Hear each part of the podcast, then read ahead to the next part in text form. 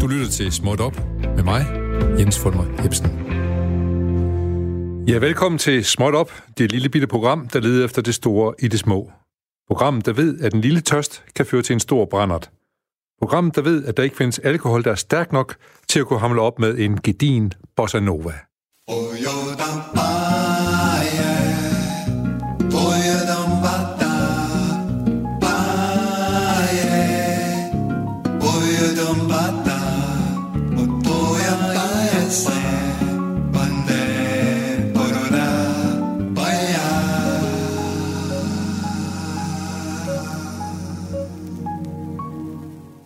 Ja, velkommen til timen mellem 12 og 13, timen midt på dagen, hvor alt kan ske.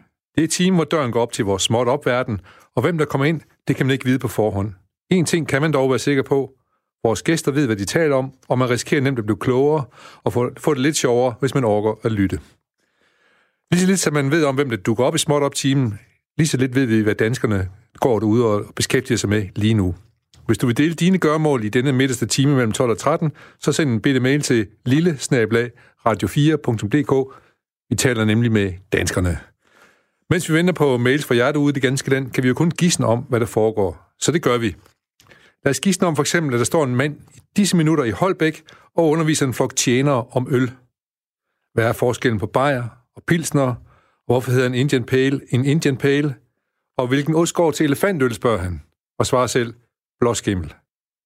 Måske vender en af tjenerne sig med en kollega og siger, det var satans. Hvad, siger den anden så? Ja, jeg skulle aldrig gætte, det var blåskimmelost. Og så bliver man hele tiden lidt klogere, hvis man slår ørerne ud og lytter og spørger. Måske foregår den historie lige nu i Holbæk. Hvem ved, det kunne da godt være. I mellemtiden, et helt andet sted i landet, nemlig her i vores lille småt opverden, er der nu Breaking Smot. Det har vagt en stor, det har vagt stor furore i det engelske House of Commons, da Labour-politikeren Tracy Brabin, grundet en brækket ankel, måtte stå lidt akavet på talerstolen. Ærmen på hendes kjole gik lidt ned og afslørede en bar skulder. En skulder, der øvrigt mindede en helt del om de, den skulder, de fleste af os har for enden af vores arm. Men så meget palaver skabte det, at det ærede House of Commons medlem Tracy Brabin besluttede at donere sin kjole til en aktion og give de indkommende penge til et værdigt formål. Sidst måtte op tjekket, var det højeste bud på 14.000 engelske pund, svarende til ca. 100.000 kroner. Det endelige beløb har Tracy Brabin besluttet skal gå til Girl Guiding, en forening, der støtter piger og unge kvinders muligheder for fun adventure og space to discover their potential. Sjov eventyr og mulighed for at opdage og udvikle egne muligheder og evner. Godt, Tracy Brabin. Siger vi bare. Så er vi klar til dagens lille ting, der fortæller om noget større end sin egen størrelse. Dagens lille ting eller ord er mikro. Det er et ord, der er blevet stort det seneste år i forbindelse med ordet mikrobryggeri. Det vil sige tillavning af øl. En udvikling, det er en udvikling og en proces, vores gæst ved noget om. Velkommen, Philip Hulgaard, stifter, ejer af Åben Bryghus. Tak. Og øh, skal vi se, vi skal lige have dig med her på mikrofonen. Velkommen til, Philip Hulgaard. Tusind tak. Ja, øh, du, du har stiftet, hvad hedder det, Åben Bryghus. Det er korrekt. Hvorfor hedder det Åben Bryghus? Åh, oh, det, er en, det er en god historie. Um, jeg er egentlig ikke uh, uddannet inden for øl eller fødevare overhovedet, uh, men egentlig uddannet kan jur, så har siddet og arbejdet med skatteret i, uh, i en stor virksomhed, og alle ved, det er jo den direkte vej i en ølverden at arbejde med skatteret. Ja. Uh, og det var faktisk super spændende, men jeg kunne mærke, der skulle jeg ikke være om, om fem år, så uh, jeg tog ud at rejse med en god kammerat ja. og kom hjem, og en aften så sad vi på sofaen og drak en hel masse øl. Og hvad sker der, når man drikker en masse øl? Får man gode idéer, synes man du? Man får rigtig ja. mange gode idéer, og når man nu sad med en øl i hånden, hvad var den gode idé så? Det var selvfølgelig at starte et bryggeri. Ja. Øhm, så vi besluttede os øh, for, at vi ville, vi skulle starte det her bryggeri. Vi var nok lidt uh, naive, og troede, at det, det var sådan noget, man bare lige gjorde. Øh, på det tidspunkt havde vi ikke, altså vi, havde ikke, vi vidste ikke noget om øl overhovedet. Vi havde drukket vores øl, jo, men vi vidste ikke, hvordan det skulle laves.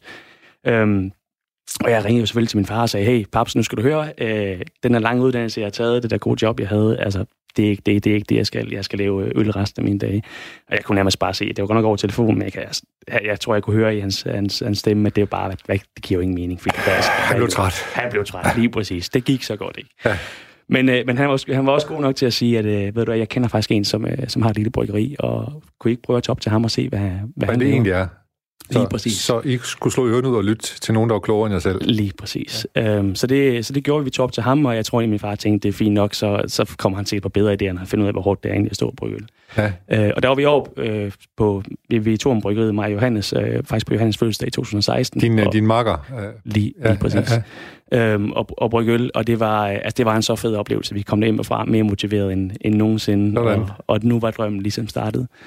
Øhm, og så begyndte vi at, at, at brygge derhjemme. Vi købte en hel palle malt for at gå i gang, og det er ret, det er ret meget. Vi bryggede ja. 19 forskellige øl, og, og tænkte, nu, øh, nu må der være en af de øl, som vi kan sælge. Altså prøv at det er fire ingredienser, vi laver, man bruger til at øl med. Øh, og faktum var, at vi blev rimelig fulde, så det var fantastisk. Vi havde ligesom lavet den ene af de to komponenter af øllen, det var alkoholen. Men, øh, men det smagte ikke sådan skide godt, Nej. øh, hvis jeg skal være ærlig. Og, Og, og så var du måske nødt til igen og spørge nogen, der vidste noget, om man fik til at smage noget. Lige præcis. Og, og nu havde jeg jo fortalt min far, at det var det her, jeg skulle. Man ja. kunne ikke gå tilbage og sige, hey, paps, det, det var ikke lige... Altså, stoltheden har man Nej. ikke.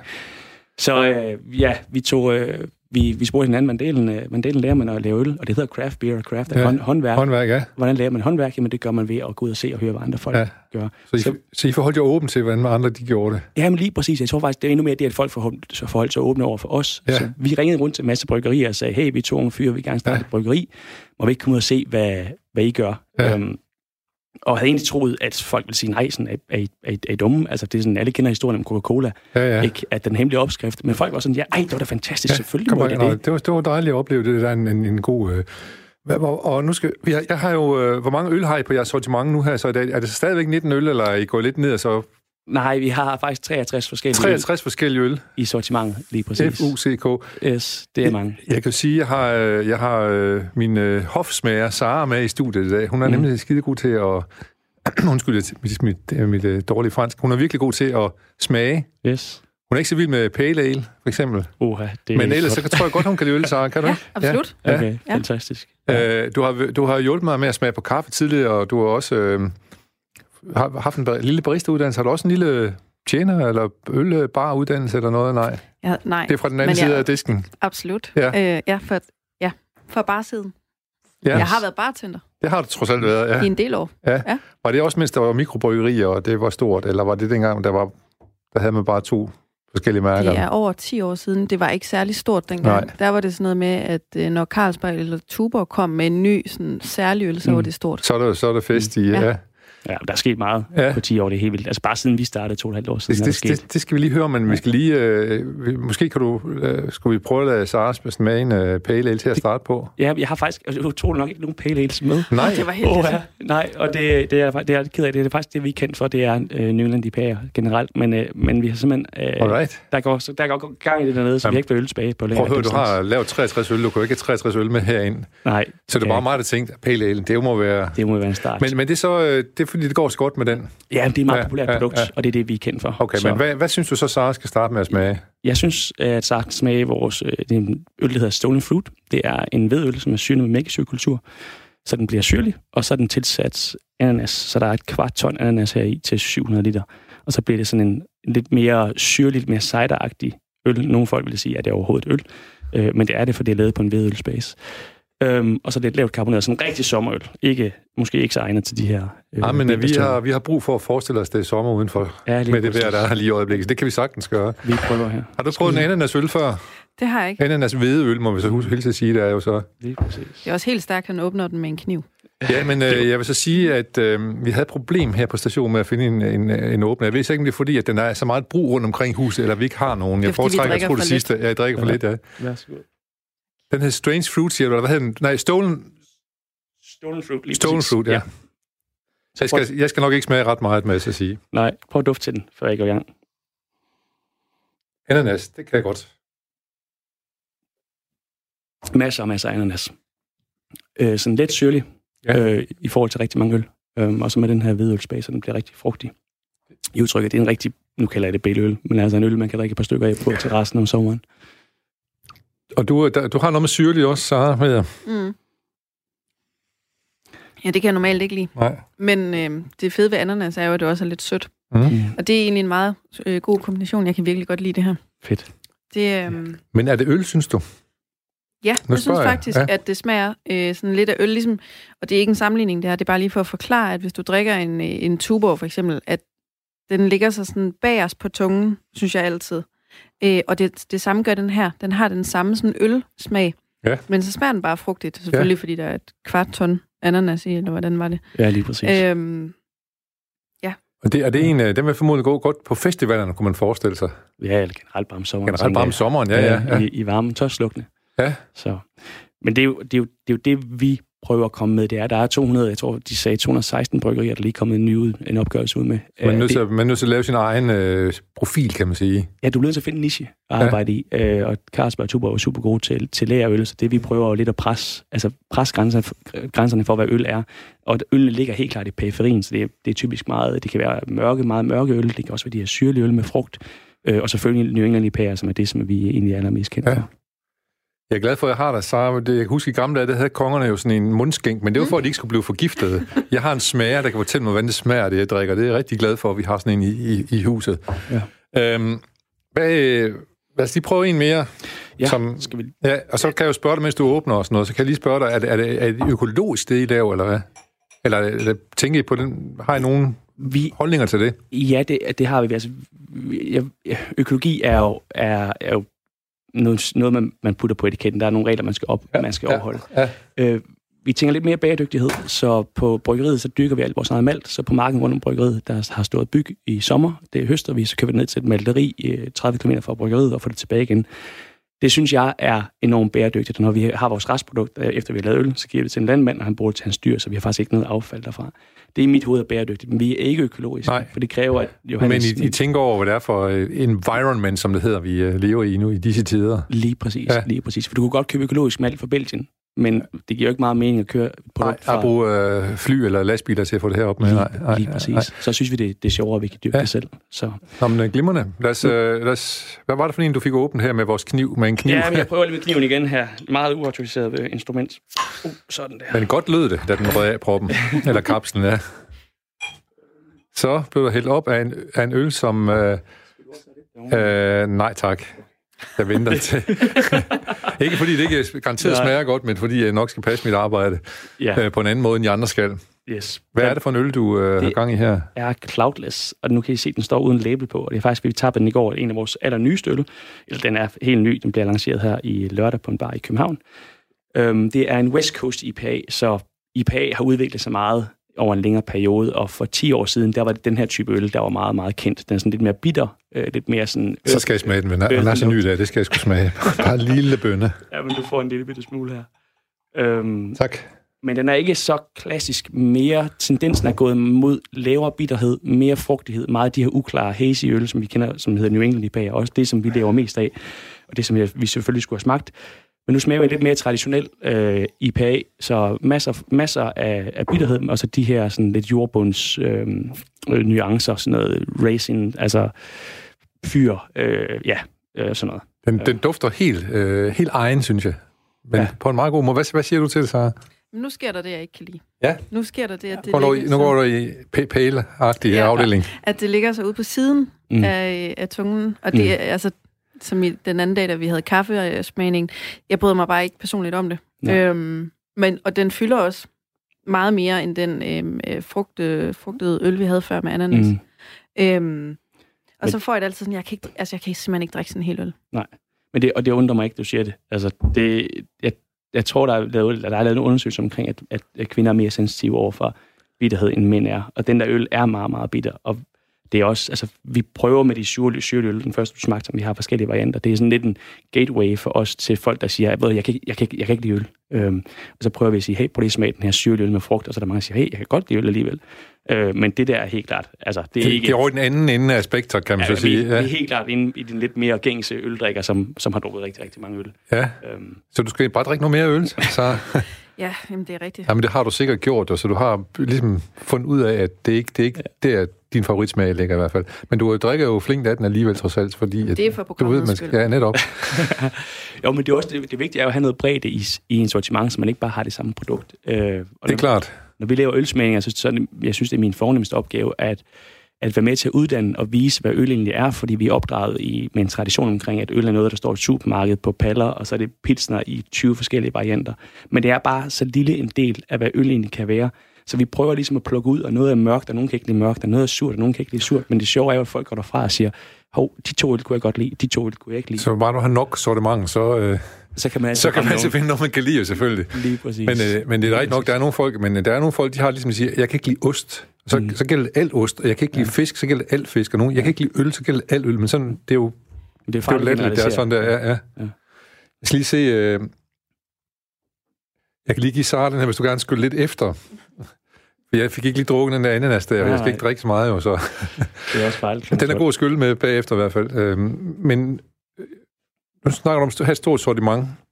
Hvad vil det egentlig sige at at være et mikrobryggeri? Mm. Hvor lille er et mikrobryggeri? Jamen, det, det, der, der er ikke nogen sådan rigtig betegnelse for det i, øh, i, i Danmark, hvad et mikrobryggeri er. Øh, og jeg så det vil sige, man, altså, du kan egentlig i bund og grund selv definere, at nu er jeg et mikrobryggeri. Øh, jeg tror for mig handler det rigtig meget om, at, at der er noget sjæl og personlighed bag det at, at have et bryggeri. At, øh, ja, at, at man kommer og vil ændre et eller andet og gøre et eller andet ved branchen. Man ikke bare kommer og vil lave øl for at, altså, ja, for at sælge nogle produkter i sidste ende. Øh, I USA er der en grænse for, hvad mikrobryggeri er. Den er ikke fuldstændig vanvittigt høj, så altså, Carlsbergs produktion i Fredericia alene vil være et mikrobryggeri, hvilket jo, altså, det er jo rimelig large scale, i Ja. modsætning til sådan noget, som vi laver. Øhm, så betegnelsen mikro er, er lidt ja, uhåndgribelig for, for mig. Ja, fordi selv sådan nogen som øh, Mikkel og hvad hans nu, hans tvillingebror, under tvillingebror nu hedder, så øh, ja. de er jo efterhånden totalt veletableret. Ja. Men er jo stadigvæk en mikrobryggeri. Ja, ja, 100 procent. Men de er jo også en stor forretning i den her scene, at de at, øh, at, at Michaela har jo altså mange forretninger, de har jo mange restauranter og, øh, og ja, driver bar og sådan noget. Det er jo det er nærmest blevet en større del af deres forretning. Det er jo ligesom at have alle de her satellitter udenom deres bryggeri, som er også med til at aftage produkter. Og kæmpe respekt for det, de har lavet. Det er Ja, ja, helt vildt, at et lille land som Danmark har to store giganter, som Michaela og, og så øh, er det, Carlsberg ved siden af. Så, Ja, ja. Jamen, jeg, jeg, jeg, jeg forsøger egentlig bare, og, og jeg kunne godt tænke mig at komme ind nærmere sig, hvad er det egentlig, det der med, når noget er mikro? Men, men det, du siger, det er, at det er ikke så meget med størrelsen at gøre, det har noget at gøre med holdningen at gøre. Jamen, det, det, det synes jeg. Altså, men jeg, det er igen det, er, fordi begrebet mikro er, er, er så u, u, altså uhåndgribeligt, udefinerbart ja, ja, ja. i sidste ende. Øhm, og, og ja, øl er jo ligesom at gå på restaurant. Altså, du kan også godt gå på McDonald's. Altså, der får du et standardprodukt, men, men det, er bare ikke, det er bare ikke det samme som nogle folk, der går og laver et eller andet lille særligt produkt og, og presser lidt grænserne for, hvad, hvad øl kan være. Og, og det er, sådan lidt, det er måske lidt mere det, som, som jeg ser på. Altså, sådan, er man, altså hvor, hvor ligger man henne? Om det bare er et volumegame, øh, lave produkt som alt andet, eller det faktisk er for at, at ændre og presse nogle grænser og skubbe nogle, altså ja, Ja. skubbe folks holdninger i en eller anden grad. Du, du, du snakker om, at det er et bryggeri, det er mikrobryggeri også, hvis man vil ændre noget. Hvad er det, Ja. du gerne vil ændre? Eller hvad er det, dit lille bryggeri, din kammerat gerne vil ændre? Jamen, da, altså, vi vil, vi vil gerne være med til at og selvfølgelig skubbe grænsen for, hvad produktet er, hvad folk tænker omkring, øh, omkring øl. Men endnu vigtigere, at folk har jo et stor nysgerrighed for, for hvad hedder det, øl som sådan, og samtidig med, at nu hedder vi åben, og, og øhm, ja, det, at det, vores branche er ligesom at komme, eller vi er kommet ind i branchen på den, den måde, øh, som vi nu er. Øh, kombineret med den, den nysgerrighed, der er, så så går det, går det jo god spænd. Vi egentlig tænker lidt mindre i produkter, lidt mere i oplevelser. Vi tænker på, hvad, når folk går, går fra os, at de, de går derfra og tænker, hold da op, det er fedt, det vil jeg gerne fortælle mine venner om. Øhm, og ikke nødvendigvis, at uha, det er den bedste Men, øl, men, men du er nødt til at balancere produktet Lige med præcis. oplevelsen på en eller anden måde, eller sted, eller... Ja, lige præcis. Ja. ja. Men, men det går jo hånd i hånd, at jeg tror ikke bare, man kan have, øh, du kan lave god øl mere. Altså det er simpelthen, det, der, Der er skal simpelthen for mere mange, til. der skal mere til lige præcis. Øh, og det er også en af grundene til, at vi, vi kigger på at åbne vores egne restaurationer, fordi så kan vi være med til at definere oplevelsen i sidste ende. Altså af hele serviceniveauet og atmosfæren. Ja. Og det er egentlig ikke så vigtigt for mig, at folk drikker vores øl, men mere det, at når folk går ud til os, at de får en oplevelse med hjem, og, og igen får smagt nogle forskellige ting og sager, måske får presset nogle, eller presset nogle grænser og finde ud af, at det her kunne jeg godt lide. Altså, Men, men mens du med baghovedet tænker over, hvilken øl Sara skal smage lige om lidt, så kan du måske lige forklare mig, hvad er det for en oplevelse, du gerne vil have, folk skal have med hjem? Jamen, øh, folk bruger, altså vi går jo, øl er jo meget socialt i vores samfund. Altså, det, hver eneste gang, vi skal noget, om det er så, at man starter på studiet, sådan, så skal man på rustur, eller man starter et nyt job, så er det fredagsbarn. Altså, vi mødes over øl det, eller vin eller sådan noget. Det, det blev vi aldrig uenige om. Det bliver vi aldrig enige om, lige præcis. Det er, så, det er så socialt, og det er så positivt. Vi bruger jo vores fritid på at gå ud og drikke. Så den oplevelse, jeg gerne vil skabe for folk, er ikke nødvendigvis omkring mig, men mere, at når de sidder, altså den sociale enhed, at de går derfra og tænker, hold op, det var, det var, det var værd min fritid. Det vil jeg gerne bruge min tid det var på. En, det, var en god, det var en god fællesskabsoplevelse, jeg har været med til her med, og det var selvfølgelig med øl og benzinen til det. Lige præcis, at det er under vores koncept åben, at de havde den her gode oplevelse. Jeg behøver ikke at være en musiker og sige, at nu har jeg spillet det her helt fantastiske nummer for dem, men mere sådan det, der stå i periferien, altså baggrunden, og give folk muligheden for at have en, altså nyde deres fritid. Så hvis jeg sidder hjemme og drikker, min, øh, drikker dine, smager, smager på alle dine 63 øl på samme aften, så, øh, så får jeg ikke den rigtige oplevelse ud af det. jo, det tror jeg, du gør. Du får en oplevelse af det, gør jeg. Nå, lad os lige høre, hvad du har til Sara nu her, og til, til, som jeg skal kigge på og lugte til. Yes, så synes jeg, vi skal hoppe over en helt anden boldgade, nemlig ja. en uh, Imperial Stout, så helt sort, 10% øl. Øhm, skal jeg se, om jeg kan få den op her. Åh, oh, ja, den kom der. Fantastisk. Skal vi se. Jeg kan godt se, det er helt, helt, helt anderledes. Øhm, så har masser af ristede noter for, fra malten, oh. og så en lille smule laktose. Det ligner jo en porter nærmest at se på. Ja, men lige præcis. Men det er også, altså porter og stouts er sådan lidt øh, samme side, øh, eller ja, en sag samme side, man vil. At det, I gamle dage var en, en stout, det var en stærk porter. I dag så er det sådan lidt en flydende kategori. Okay. Så. Hvad siger, men mere, du, hvad, øh, ja, hvad siger du så til? Har, har, du nået, har du nået at bundfælde sig smagen? Jeg kan se, det, det ligner en meget, meget tyk øl. Den er meget, meget tyk. Sådan lidt chokoladeagtig. Mm-hmm. Kaffe. Øhm, Sådan. den, er, den er virkelig stærk. øhm, har der mange procenter? Der er 10,5 procent, ja. Så den, ja.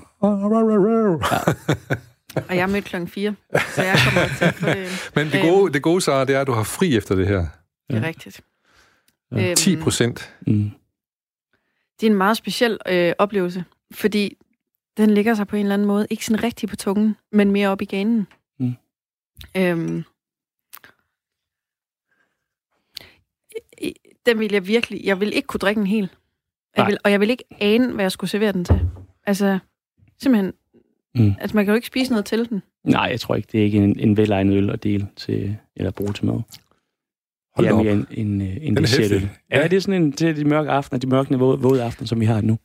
Ja. Så kan man sidde derhjemme. Og en pibe fuld god tobak. Ja, lige præcis. Det er det, man får faktisk lidt, nu afslører jeg nogle gange ryger en cigaret, øh, mm. lyst til at ryge øh, en cigaret ved siden af, og, og spille Matador eller 500. Ja, ja og, så, og så lade den stå længe. Altså, øh, øllen kan, kan holde flere timer, kan man sige. Ja, ja. Jeg, jeg kan faktisk meget godt lide smagen af den, men jeg kan ja. godt se, at det, det er ikke en helt øl, jeg drikker på den her måde. Og den smager virkelig, altså virkelig godt. Der, der er gode smage i den, ja. ja. Mm.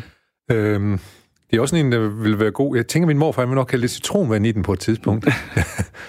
Eller også, ja. øh, han vil være god brug også i, hvad bruger du nu? Øl er de bruges de også i retter, for eksempel? Kunne man tænke sådan også en gang imellem, man kan hente en chili con carne eller et eller andet? Eller? Ja, bestemt. Eller brasere noget svin i svinekæber eller sådan ja, noget. Ja, andet. Ja, ja. ja 100 procent. Den, øh, altså, jeg kan meget godt lide den. Hvad, hvad, hvad synes du selv om den? Jeg er du kan lide alle dine øl, selvfølgelig. Ja, jo, jeg kan lide ja. alle. Vi, vi vil aldrig sende noget, som vi ikke synes var, var godt. Det er en af de vigtigste ting. Altså, det er kvalitetskontrollen i sidste ende.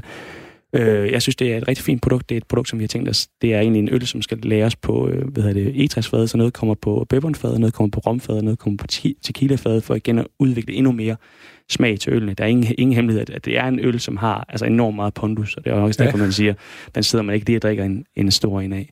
Um, Må jeg bare spørge, ja. du sagde det der med laktose. Ja. Hvad gør det? En laktose er mælkesukker, og det ja. er uforgærbart.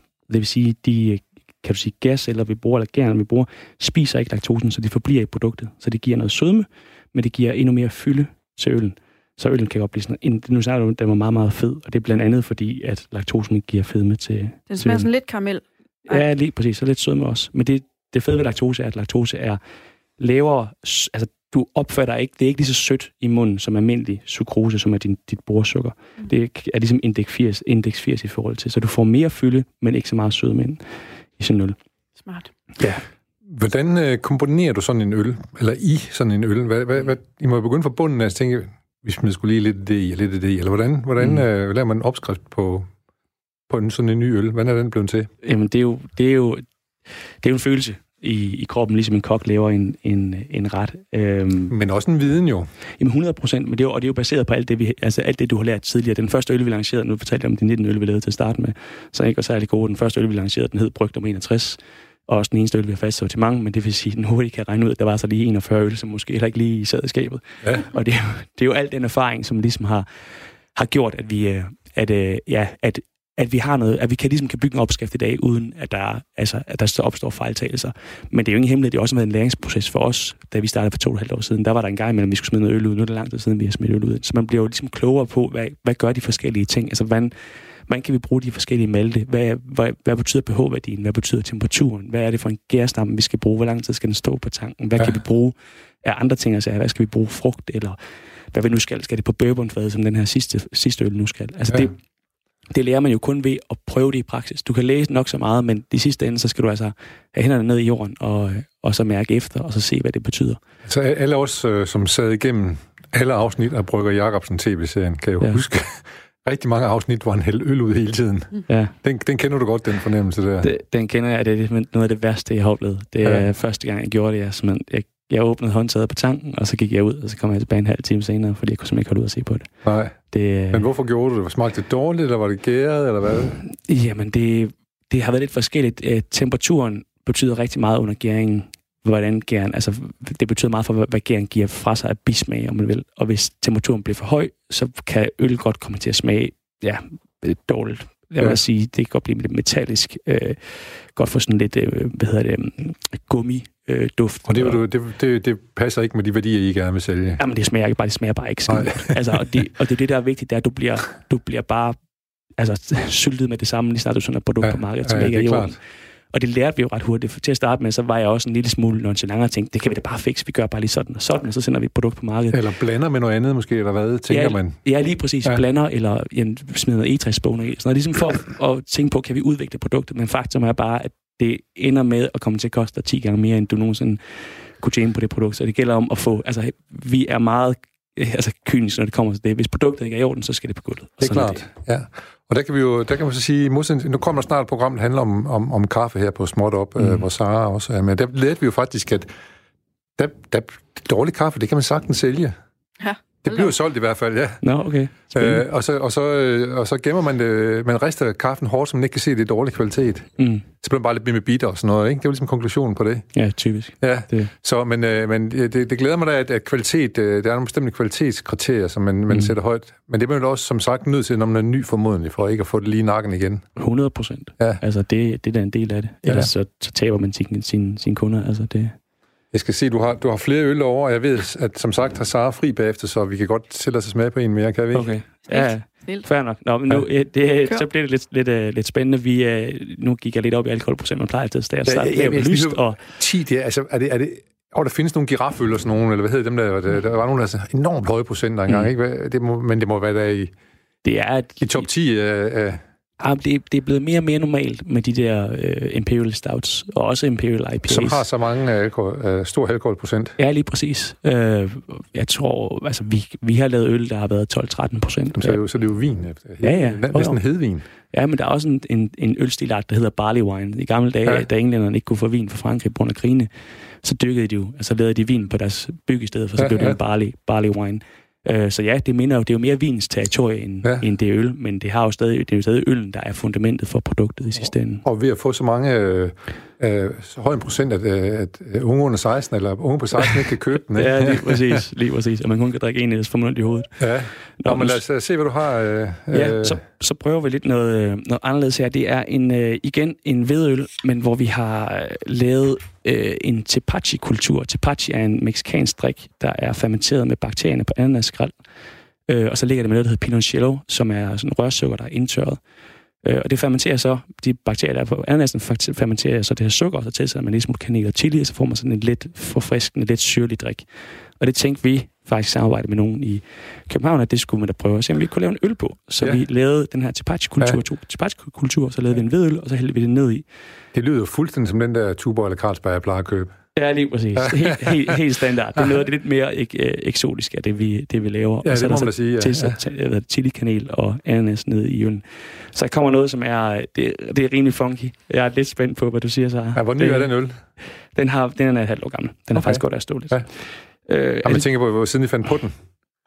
Jamen, det er... Ja, hvad vi lavede ja, den i... Det første bryg. Juni. Jamen, vi, vi laver kun vi laver faktisk, det er lidt, vi tænker meget vores øl, som øh, ligesom gourmetrestauranterne gør. Så vi har kun én øl i sortimentet. resten laver vi kun én gang. Okay. Og så så, så er den der ikke mere. Nogle gange, så hvis det er en meget populær øl, så laver vi den altså igen. Så når du siger, har mange sortiment, så, så, så er det en sandhed med modifikation? Ja, ja, ja. Altså, vi har lavet 63 forskellige øl, skulle jeg måske sige. Ja. Men vi har en øl fast i sortimentet. Sortiment, ja, ja. Yes. Og så, så øl kommer til at afspejle lidt mere sæson. Så nu den mørke øl, vi fik tidligere, er jo ja, en øl, der egner sig lige præcis her. Ja. Og jeg har også en anden mørke øl med, som er lidt lettere i alkohol, alkoholprocent, ja. som er lidt mere ristet. Nå, så nu skal du have noget yes, yes, funky, funky øl. Ja, det er meget, meget funky.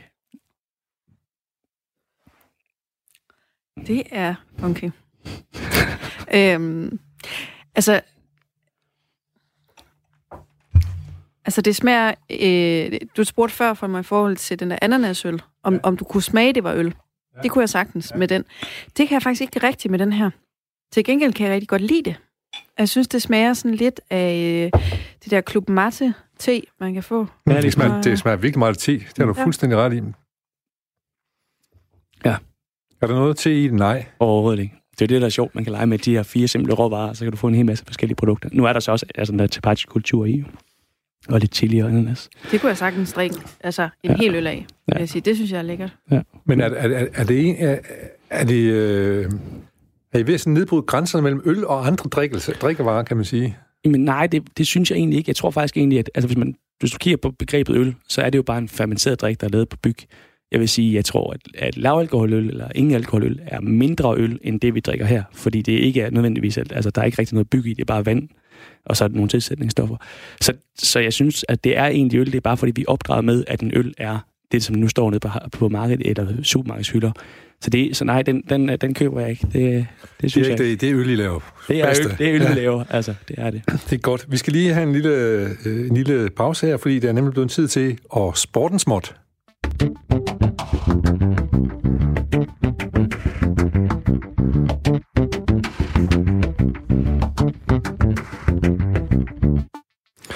Armand Duplantis, det er ikke en øl, men en svensk stangspringer, 1 cm, en lille sølle centimeter var, var, hvad der skulle til, for at han kunne sætte verdensrekord. Det skete den anden dag i den polske by Turun. Den ene centimeter var nemlig nok til, at Duplantis forbedrede franskmanden, en franskmands hidtidige verdensrekord på 6 meter og 17.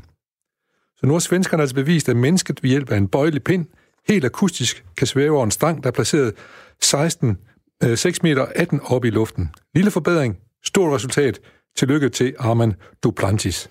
Vi skal tilbage til øllen. Vi kan måske fejre det ved, at, at du lige, lige skænger en lille ekstra snas den her funky øl, du lavede til Sara. Jeg tror godt, hun kunne lide den. Det er fantastisk. Du kan bare få. Så jeres, jeres nyeste øl, det var den du Clouds ting, du snakkede om tidligere. Ja. Cloudless, lige Cloudless. præcis. Og, og hvad, er, hvad, hvad, lige nu, hvad er det så under opsejling nu? Øh, på bryggeriet ja. for os. Du siger, I laver en ny en, sådan ligesom sæsonagtig. Mm. Jo, vi laver, vi laver en to-tre nye øl om, øh, om måneden øh, lige pt.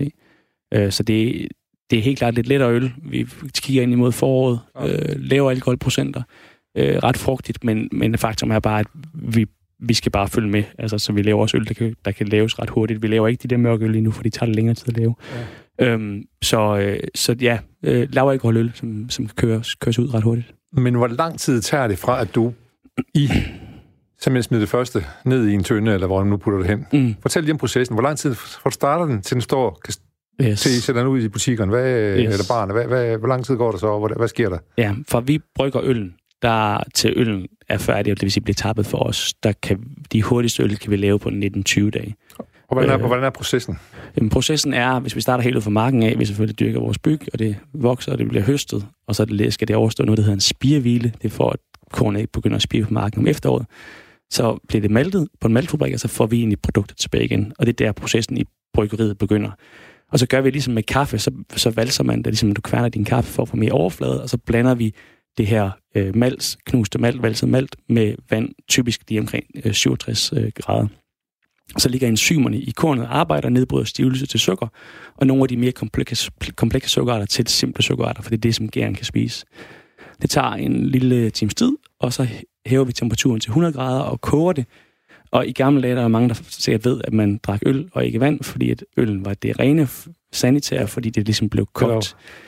Så det er en af, en af de ting, der sker, når man koger. Det er selvfølgelig, at man slår alt ihjel, for man gerne vil have en kontrolleret fermentering. Men der sker også nogle andre ting. Altså, man koger en times tid, og så køler man øh, urten ned, som det hedder, indtil det bliver øl. Så køler man det ned til, til cirka 20 grader, og så tilsætter vi vores gær. Og den del af processen, det er sådan ligesom brygningen af urten, tager cirka 6 timer for os at lave. Og så kommer det egentlig produktet over på urten over på tanken, og så er det, vi tilsætter vores gærkultur, og så, så gælder det egentlig om at, at gøre så lidt som muligt, for nu er det vores små venner, gærcellerne, der... Skal gøre arbejdet. Lige præcis. Ja. Så, og tanken, det kan jo også være tynder, så, siger du? Det kan også være tynder, ja. Der er og, mange, der og, er mange og hvad, er, hvad er fordelen man for? Bruger du tynder, som har været brugt til for eksempel whisky før, eller til noget andet før? Yes. Ja, for, vi, for at få smagen fra... Lige præcis. Der vil vi stadig fermentere kan du sige, urten til at starte med på tanken, og når den så er færdig fermenteret, så vil vi lægge den over på et fad, for at få noget smag ud. Det kan fx være et rødvinsfad, for at få noget rødvinsnoter ud, eller noget bourbonfad, for at få de her dejlige, ja. lidt whisky, vanilje-agtige noter ud. Det kan også være, hvis man laver surt øl, det er ligesom den her Tepache fik til sidst, at der er, fordi du kan ikke, de der i egetræet, der kan, kan de her bakterier godt leve, så du får ligesom din egen mikrokultur, dit eget mikromiljø inde i tønderne, som så kan ligge der. Altså, vi har nogle liggende lige nu på noget gammelt rødvinsfad, som har ligget i 5-6 måneder, som skal ligge et års, års tid mere, før vi, vi tapper det. Det er simpelthen fordi, der sker en mikrooxidering, der trænger en lille smule ilt ind igennem træet i tønden, og så, øh, så ligger de bakterier, der er, og arbejder med den her lille smule ilt, og det gør bare, at produktet bliver så komplekst. Du lyder som en mand, jeg vil have total tillid til at overdrage alle, alle, alle mine fremtidige ølbryggerier. Du har styr på sagerne i hvert fald. Øh, og det er ikke en uddannelse, du har taget, det er noget, du har lært dig efterhånden selv, eller sådan autodidakt? Det er rimelig autodidakt, ja. ja. Ej, jo, men altså, man er jo nysgerrig, så man læser lidt på nettet. Jo, jo, men øh, det er ikke en formel uddannelse, man går igennem. Overhovedet ikke. Altså, der er jo en brygmesteruddannelse, ja. som jeg desværre ikke har. Det havde været, været lidt nemmere end. Har du lyst til at tage den? Ikke nu. Ikke nu, men du, det kommer, tænker du? Nej, det tror jeg ikke. Vi har så gud jammer lidt travlt. Jeg tror bare det at få lidt søvn en gang ja, imellem det. det. Det skal også, det skal også passes. Det skal også passes, ja. ja. Så uh, vi har besøg af Philip Hulgaard fra bryggeriet, uh, mikrobryggeriet, skal man måske sige, Åben. Bestemt. Uh, og vi, han går også klogere på, hvordan man brygger øl, og hvad øl kan smage og hvor, hvor, hvor vidt vi kan opfatte, hvad en øl egentlig er for en størrelse. Mm. Og vi har også uh, Sara heldigvis også med, og hun, uh, hun og jeg, vi har det sjovt ved at smage på din øl. Fedt. Så det program her lever op til sin intention om, at vi skal blive klogere og have det lidt sjovere. Øh, har du flere øl, vi skal prøve at smage? Jeg har en, en sidste øl. Ja. Nu tager vi lidt en, en underlig rækkefølge, men lad os, lad os gøre det, så hopper vi tilbage i det mm. helt uh, sorte miljø. En, uh, en mørk stout, uh, lidt dry stout på 6,5 procent, som vi lige kan, skal lige se, om jeg kan få uh, kapslen af. Og nu kommer jeg i knibe, fordi jeg vil helst ikke af med den gode øl.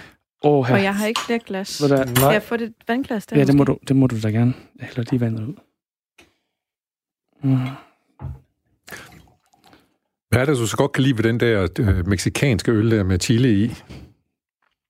Øhm, jeg, jeg, jeg synes faktisk ikke rigtigt, at jeg kan smage chilien. chilien på den måde, men jeg kan godt lide den der øh, te-smag. Øh, den er sådan helt ren i, i smagen, så når jeg får den øh, ind i munden, så er det som om den bare ligger sig øh, i midten. Ja. Jeg får den ikke ligesom ud i kinderne, og den, den bliver ikke bitter på den der måde, som jeg ikke kan lide. Nej. Øhm, og det er det, det samme, jeg har med det der matte te, som, mm. øh, som ja. man kan købe øh, rundt ja, omkring. så i Sydamerika for eksempel, hvor det var stort for eksempel, det, ikke? Ja, det, der, hvor... det er også sådan lidt kombucha-agtigt, og jeg ja. er meget øh, tilhænger af kombucha. det er sjovt, du siger det. Vi har lige lavet kombucha i sidste uge. Det er sådan noget, vi skal have køre. Det er så sejt. Det, ja, ja, det er, det er virkelig en videnskab, der er fantastisk. Det skal mm. du også lave et program om. Er det en kombucha-øl? Nej, det er, det er, det, det er kombucha. Det er, ja. det er simpelthen fermenteret te. Te, ja. Ja, lige præcis. Jamen, det går godt, at du blande den i noget... Så, så du ved ude i forretningen også til at indeholde andre drikke end... Jamen, det er jo det, er jo, det, det, er det jeg synes, der er sjovt. Det er at ja, presse grænserne for, hvad vi kan. Altså, og ikke, ja, det tænder mig ikke så meget at stå og lave den samme øl igen og igen og igen. Det er måske Nej. også derfor, vi hele tiden laver, laver nye, laver nye ja, ja. præcis. Ja.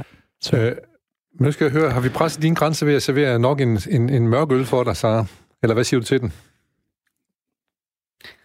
Jeg kan faktisk ikke særlig godt lide duften af den, men jeg Nej. kan ekstremt godt lide smagen.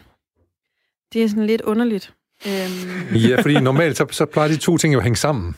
Ja, men det er, fordi, og det er sikkert fordi, at jeg har stået og duftet og drukket den øh, te, øh, nå, nå, den funkøl der, ja. At, at den er ikke så kras. Den her er meget kras i duften, men slet ikke i smagen. Jeg skal lige prøve at smage og dufte. Ja. Tak, tak. Jeg skal lige for en god ordens skyld sige, at øh, jeg får cirka en fingers øl ad gangen, og jeg drikker kun det halve af det, men øh, nu kan jeg lugte til det. Ja. Det smager sådan lidt hen af en, øh, sådan en god øh, juleøl, bare ikke øh, så sød, som man, som man kan få dem. Altså, den er, sådan, den er, den er ekstrem rund i smagen. Når du siger juleøl, du mener ikke hvidt øl, vel? Nej. Nej. Det er faktisk, det er faktisk vores, øh, vores vinterøl. Vi laver ikke juleøl, men vi har lavet øh, vores vinterøl. En af vores tre vinterøl i år. Se nu det er bare, hvor, se nu bare, Ja. hvor en kompetent smager vi Ja, har her på Småt Op. Det er meget imponerende. Og jeg har ikke læst på etiketten. Det jeg bare. Der står faktisk heller ikke noget, og der er ikke nogen nissemænd heller ikke. Nej. Øh, men, men øh, nu snakker du om, at du også vil lave øh, kombucha, og så når du godt lige at udvide, er det, er det, er det kun inden for drikkevarer, eller øh, du, du vil lige nævne lige kort, at I måske godt kunne finde på også at gerne vil, vil, vil have bar og sådan noget, så I kunne lave en total oplevelse af jeres drikkevarer. Mm. Er det, hvordan går det med det? Jamen, det, det går fremad. Altså, vi har, vi har overtaget et sted i Roskilde her 1. december, og så er vi jo ved at bygge en, en bar inde i Aarhus fra bunden af, som har godt nok været lidt lang tid undervejs, men øh, ikke med, med mad som sådan, altså meget, meget simpel mad, noget tapas-retning og sådan noget, men altså en drøm ville da være at lave et øh, bryggeri med, med restaurant og, og bar, så man ligesom kan give folk en helhedsoplevelse. Sådan, sådan ligesom når man ser kafferisteri, hvor, man, øh, for, for, hvor der er café også og sådan noget, så Ja, vil jeg gerne have et bryggeri inde i. Ja. Lige præcis. Ja. Ja. Altså den der, ja, så man går ind, og så bliver man sådan en del af den her verden, når man, når man er der. Og så lave noget, der er fermentering er jo en fantastisk ting. Kombucha er fermenteret, men mange tænker ikke over det, men chokolade er jo også et fermenteret produkt, og pølser er et fermenteret produkt, og alle, sådan kan du sige, alle syltede ting er også en fermentering. Ja. Ja. Ost er fermenteret. Så det der med at lave en hel masse mad, som er, ja, Nu, nu skal både Sara og jeg, jeg står nu her tripper, fordi vi har spørgsmål til dig, og nu kan, kan jeg spørge Sara først. Jamen, det var bare, om du ikke vil forklare det der med fermentering. Ja. det, Det, det, er sådan set sjovt, fordi det er jo lige præcis det samme spørgsmål, vi havde. Nu det får, lyder du, så moderne. Jeg, jeg er nu får, du, du får du fra alle sider. Hvad er fermentering? ja men, fermentering er jo meget, meget simpelt. Egentlig bare, at der, at der er nogle bakterier eller hvad hedder det, gærstammer, der arbejder og forarbejder produktet i en anden grad. Øh, og typisk for fermenterede produkter er jo, at, at det er en, et produkt, der lærer i en vis periode og undergår en eller anden form for, for forarbejdning, hvor du ikke gør noget som sådan. Det er ikke, fordi du aktivt ryger produktet. passer sig selv. Det passer sig selv, men fordi, der er, fordi det er levende, så udvikler det sig. altså, jeg kan huske, at jeg set i restauranter og sådan noget, der var det, det hotte på et tidspunkt, man skulle fermentere. Der puttede man jo ind i Mm. sådan en lufttætte pose og sådan noget, lade noget Mm. ind der, så kunne det ligge et godt stykke tid der, og så passe sig selv. Og... Lige præcis. Og det, når man gør det lufttæt, så er det fordi, at nogle af de ikke så rare bakterier, f.eks. eddikebakterierne, skal bruge luft for at kunne lave eddikesyre. Så hvis man laver det i et lufttæt øh, miljø, så får man ikke så meget eddikesyre. Og eddikesyre kan godt være meget skarpt i Ja, ja, udtrykket. Så hvis ja. du laver sauerkraut, så vil man også gerne lukke låget fuldstændig til med den her saltdage. Så får du ikke så meget af den eddike, men du får kun mæggesyrebakterierne, den fermentering. Ja. Så Var, det ikke, var det ikke godt nok for dig? Fuldstændig. Jeg er med nu. Ja, så lad os lige skåle den sidste fermenterede øl, vi fik. Den nåede aldrig rigtig at smage. Nej. Det var den lidt, lidt mørke stout. Let mørkestark. Jamen, du får en lille... Ja, ja, ja, I får den lidt, lidt forkert rækkefølge, fordi vi skulle selvfølgelig tage den stærke til sidst. Nu har I ligesom fået to, to los i munden. Først med den sure, Du, du den smed lige en trumf i starten, Ja, ja, lige ikke? præcis. Så, så, så, kunne vi lære det, kunne vi. Jeg, jeg kunne faktisk bedre lide, jeg, jeg kunne sådan set bedre lide den der, var totalt hæftig, men Jeg er klart mere du bærer den sådan her, ja. Absolut. Men det er også den der helt klart mere ristet i sin udtryk, Ja. ja. hvor den anden er sødere i, øh, i Ja. ja. smagen.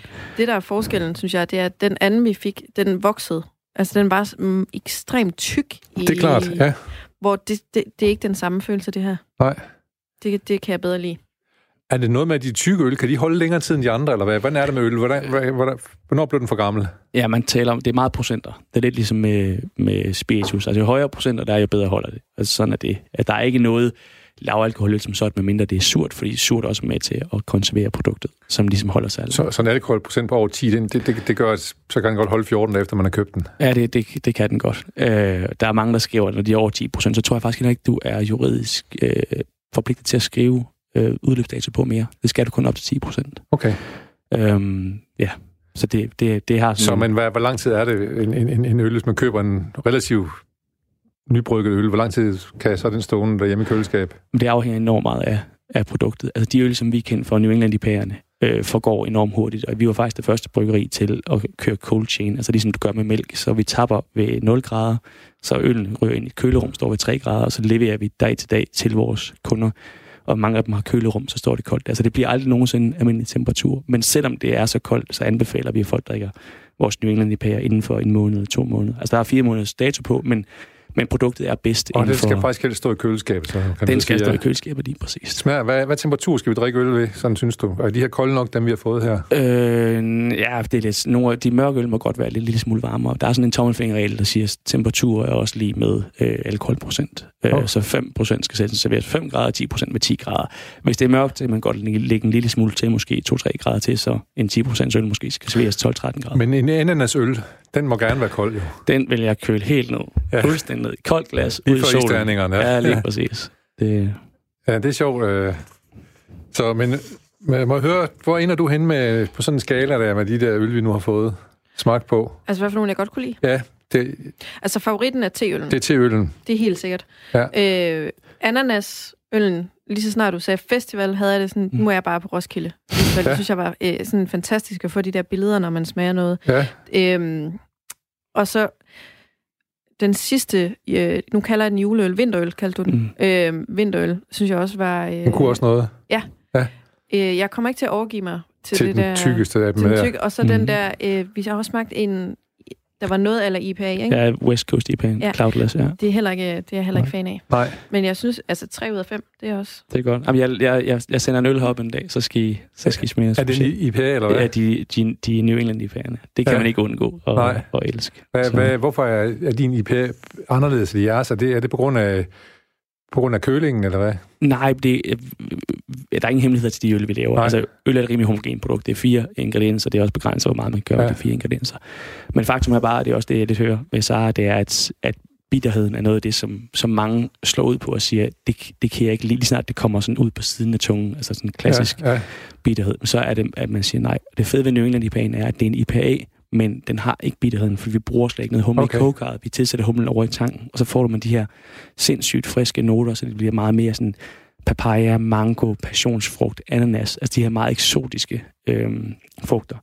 Øh, og så samtidig med, en, med en hvedølsbase. Og det, det er så let drikkeligt, og det, er så, det smager så godt. Øh, nu, nu talte du om, at I ville servere noget tapas, hvis du nogensinde åbnede en restaurant, hvor I Mm. skulle sælge jeres øl. Men hvis jeg nu skulle hjem og øh, have en, øh, en øh, marineret sild, for eksempel, hvilken af de her øltyper vil du så anbefale, jeg drak til? Jeg, jeg synes, øl og mad er ret svært. Altså, vin, Ja. vin i sig selv er rimelig syrligt, og derfor går vin rigtig godt, både rød og hvid og rosé med, med madvarer. Og, og mange food pairings, hvis du tager ind på restauranter, er det også, så bruger de også de syrlige øl. Den der Tepache, som vi har smagt, eller mange andre syrlige øl, Lambic og Gøse fra Belgien.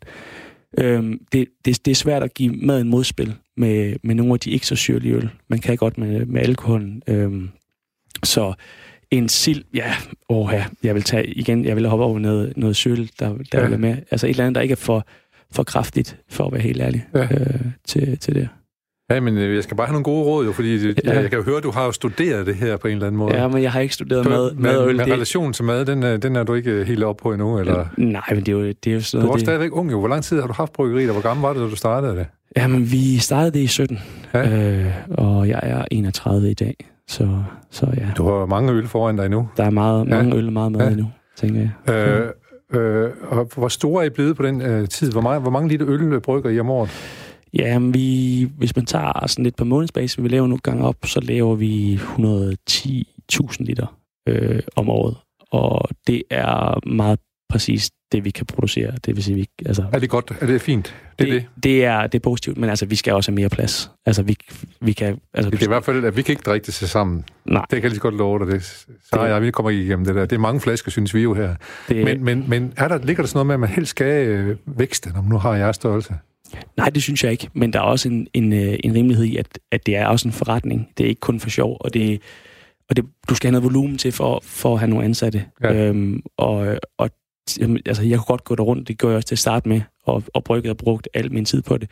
Men nu er vi blevet så store, at, at der er også udgifter forbundet med det. Så det skal ligesom balancere i sidste ende. Altså, Så hermed fik vi slået en lille fin sløjfe på, øh, på det her lille program, for det startede mm. Med at fortælle, at du var kendt, skændt mærk eller et eller andet. ja, kan Så- ikke ja. Kan, ja, eller så du, øh, du har, har noget for- forstand på øh, økonomi og hvad man øh, øh, skruer en organisation sammen, kan jeg forestille mig. Det er en lille smule. Ja. Ja. En lille smule. Og vi er også blevet en stor organisation på kort tid. Ja, Øhm, hvor mange ansatte er, jamen, vi, er, vi er en 7-8 fuldtidsansatte, Og- øhm, og så en t- 22 deltid. Og, og hvor stort område sætter I ud til? Vi sælger til hele Danmark, København og Aarhus er nogle af de store markeder her, og så er vi på eksport til ni lande lige pt. Hvordan, øh, nu har vi ikke så meget tid tilbage, så hvis du Nå. hurtigt kan sige, hvad er det for nogle lande, og hvordan er det, er det, er det lykkedes dig at sælge til dem? Men det er faktisk, lige nu er det mest Spanien og Italien, øh, og det er en sjov historie med Spanien. Det var faktisk et andet bryggeri, som solgte derned, og så havde de ringet distributøren fra Spanien og sagt til dem i Danmark, hey, hvad sker der i Danmark, hvad skal der spille en ting? Og så havde bryggeriet i Danmark sagt, hey, prøv lige at ringe til Philip, han har, Kan han lave numre? overkøb. Altså, Okay, der så hjælper hinanden der, kan man sige. helt vildt. Den åbne Det- af branchen er bare Det er, det er, det var rimelig positivt, må man sige. meget. Godt. Øh, Philip Hulgaard fra Bryggeriet Åben. Sara, fantastiske smager. Tusind tak. Vi er ved at nærme os slutningen på det her program. Uh, vi skal tilbage til virkeligheden, efter vi har været inde i uh, vores egen lille lukkede verden her. Så skal vi nu uh, tilbage til, uh, til, til nyhederne, men vi kan lige nå et lille bitte digt. I dag er det Dan Udryd rotterne, står der på de kommunale opslag rundt omkring på plakatsøjlerne i byen. Hver gang jeg går forbi en af dem, og ser opråbet og tegningen af den grinende sorte rottes hvide Disney-tænder for et anfald af solidaritet med rotten. Hvis den kom løbende lige nu med skudklare strisser i hælene, så vil jeg skjule den i min lomme, selvom den bed mig i lort. Så vidt, Dan Turell. Så er vi klar så småt til nyhederne, og det er Dagmar Iben Østergaard, og så kan I godt samle hele familien ringe rundt, og jeg kan se, at lyttertallene de stiger nu her, fordi nu er klokken faktisk om, ja, om 5 sekunder, jeg tæller ned. 4, 3, 2, en. Værsgo.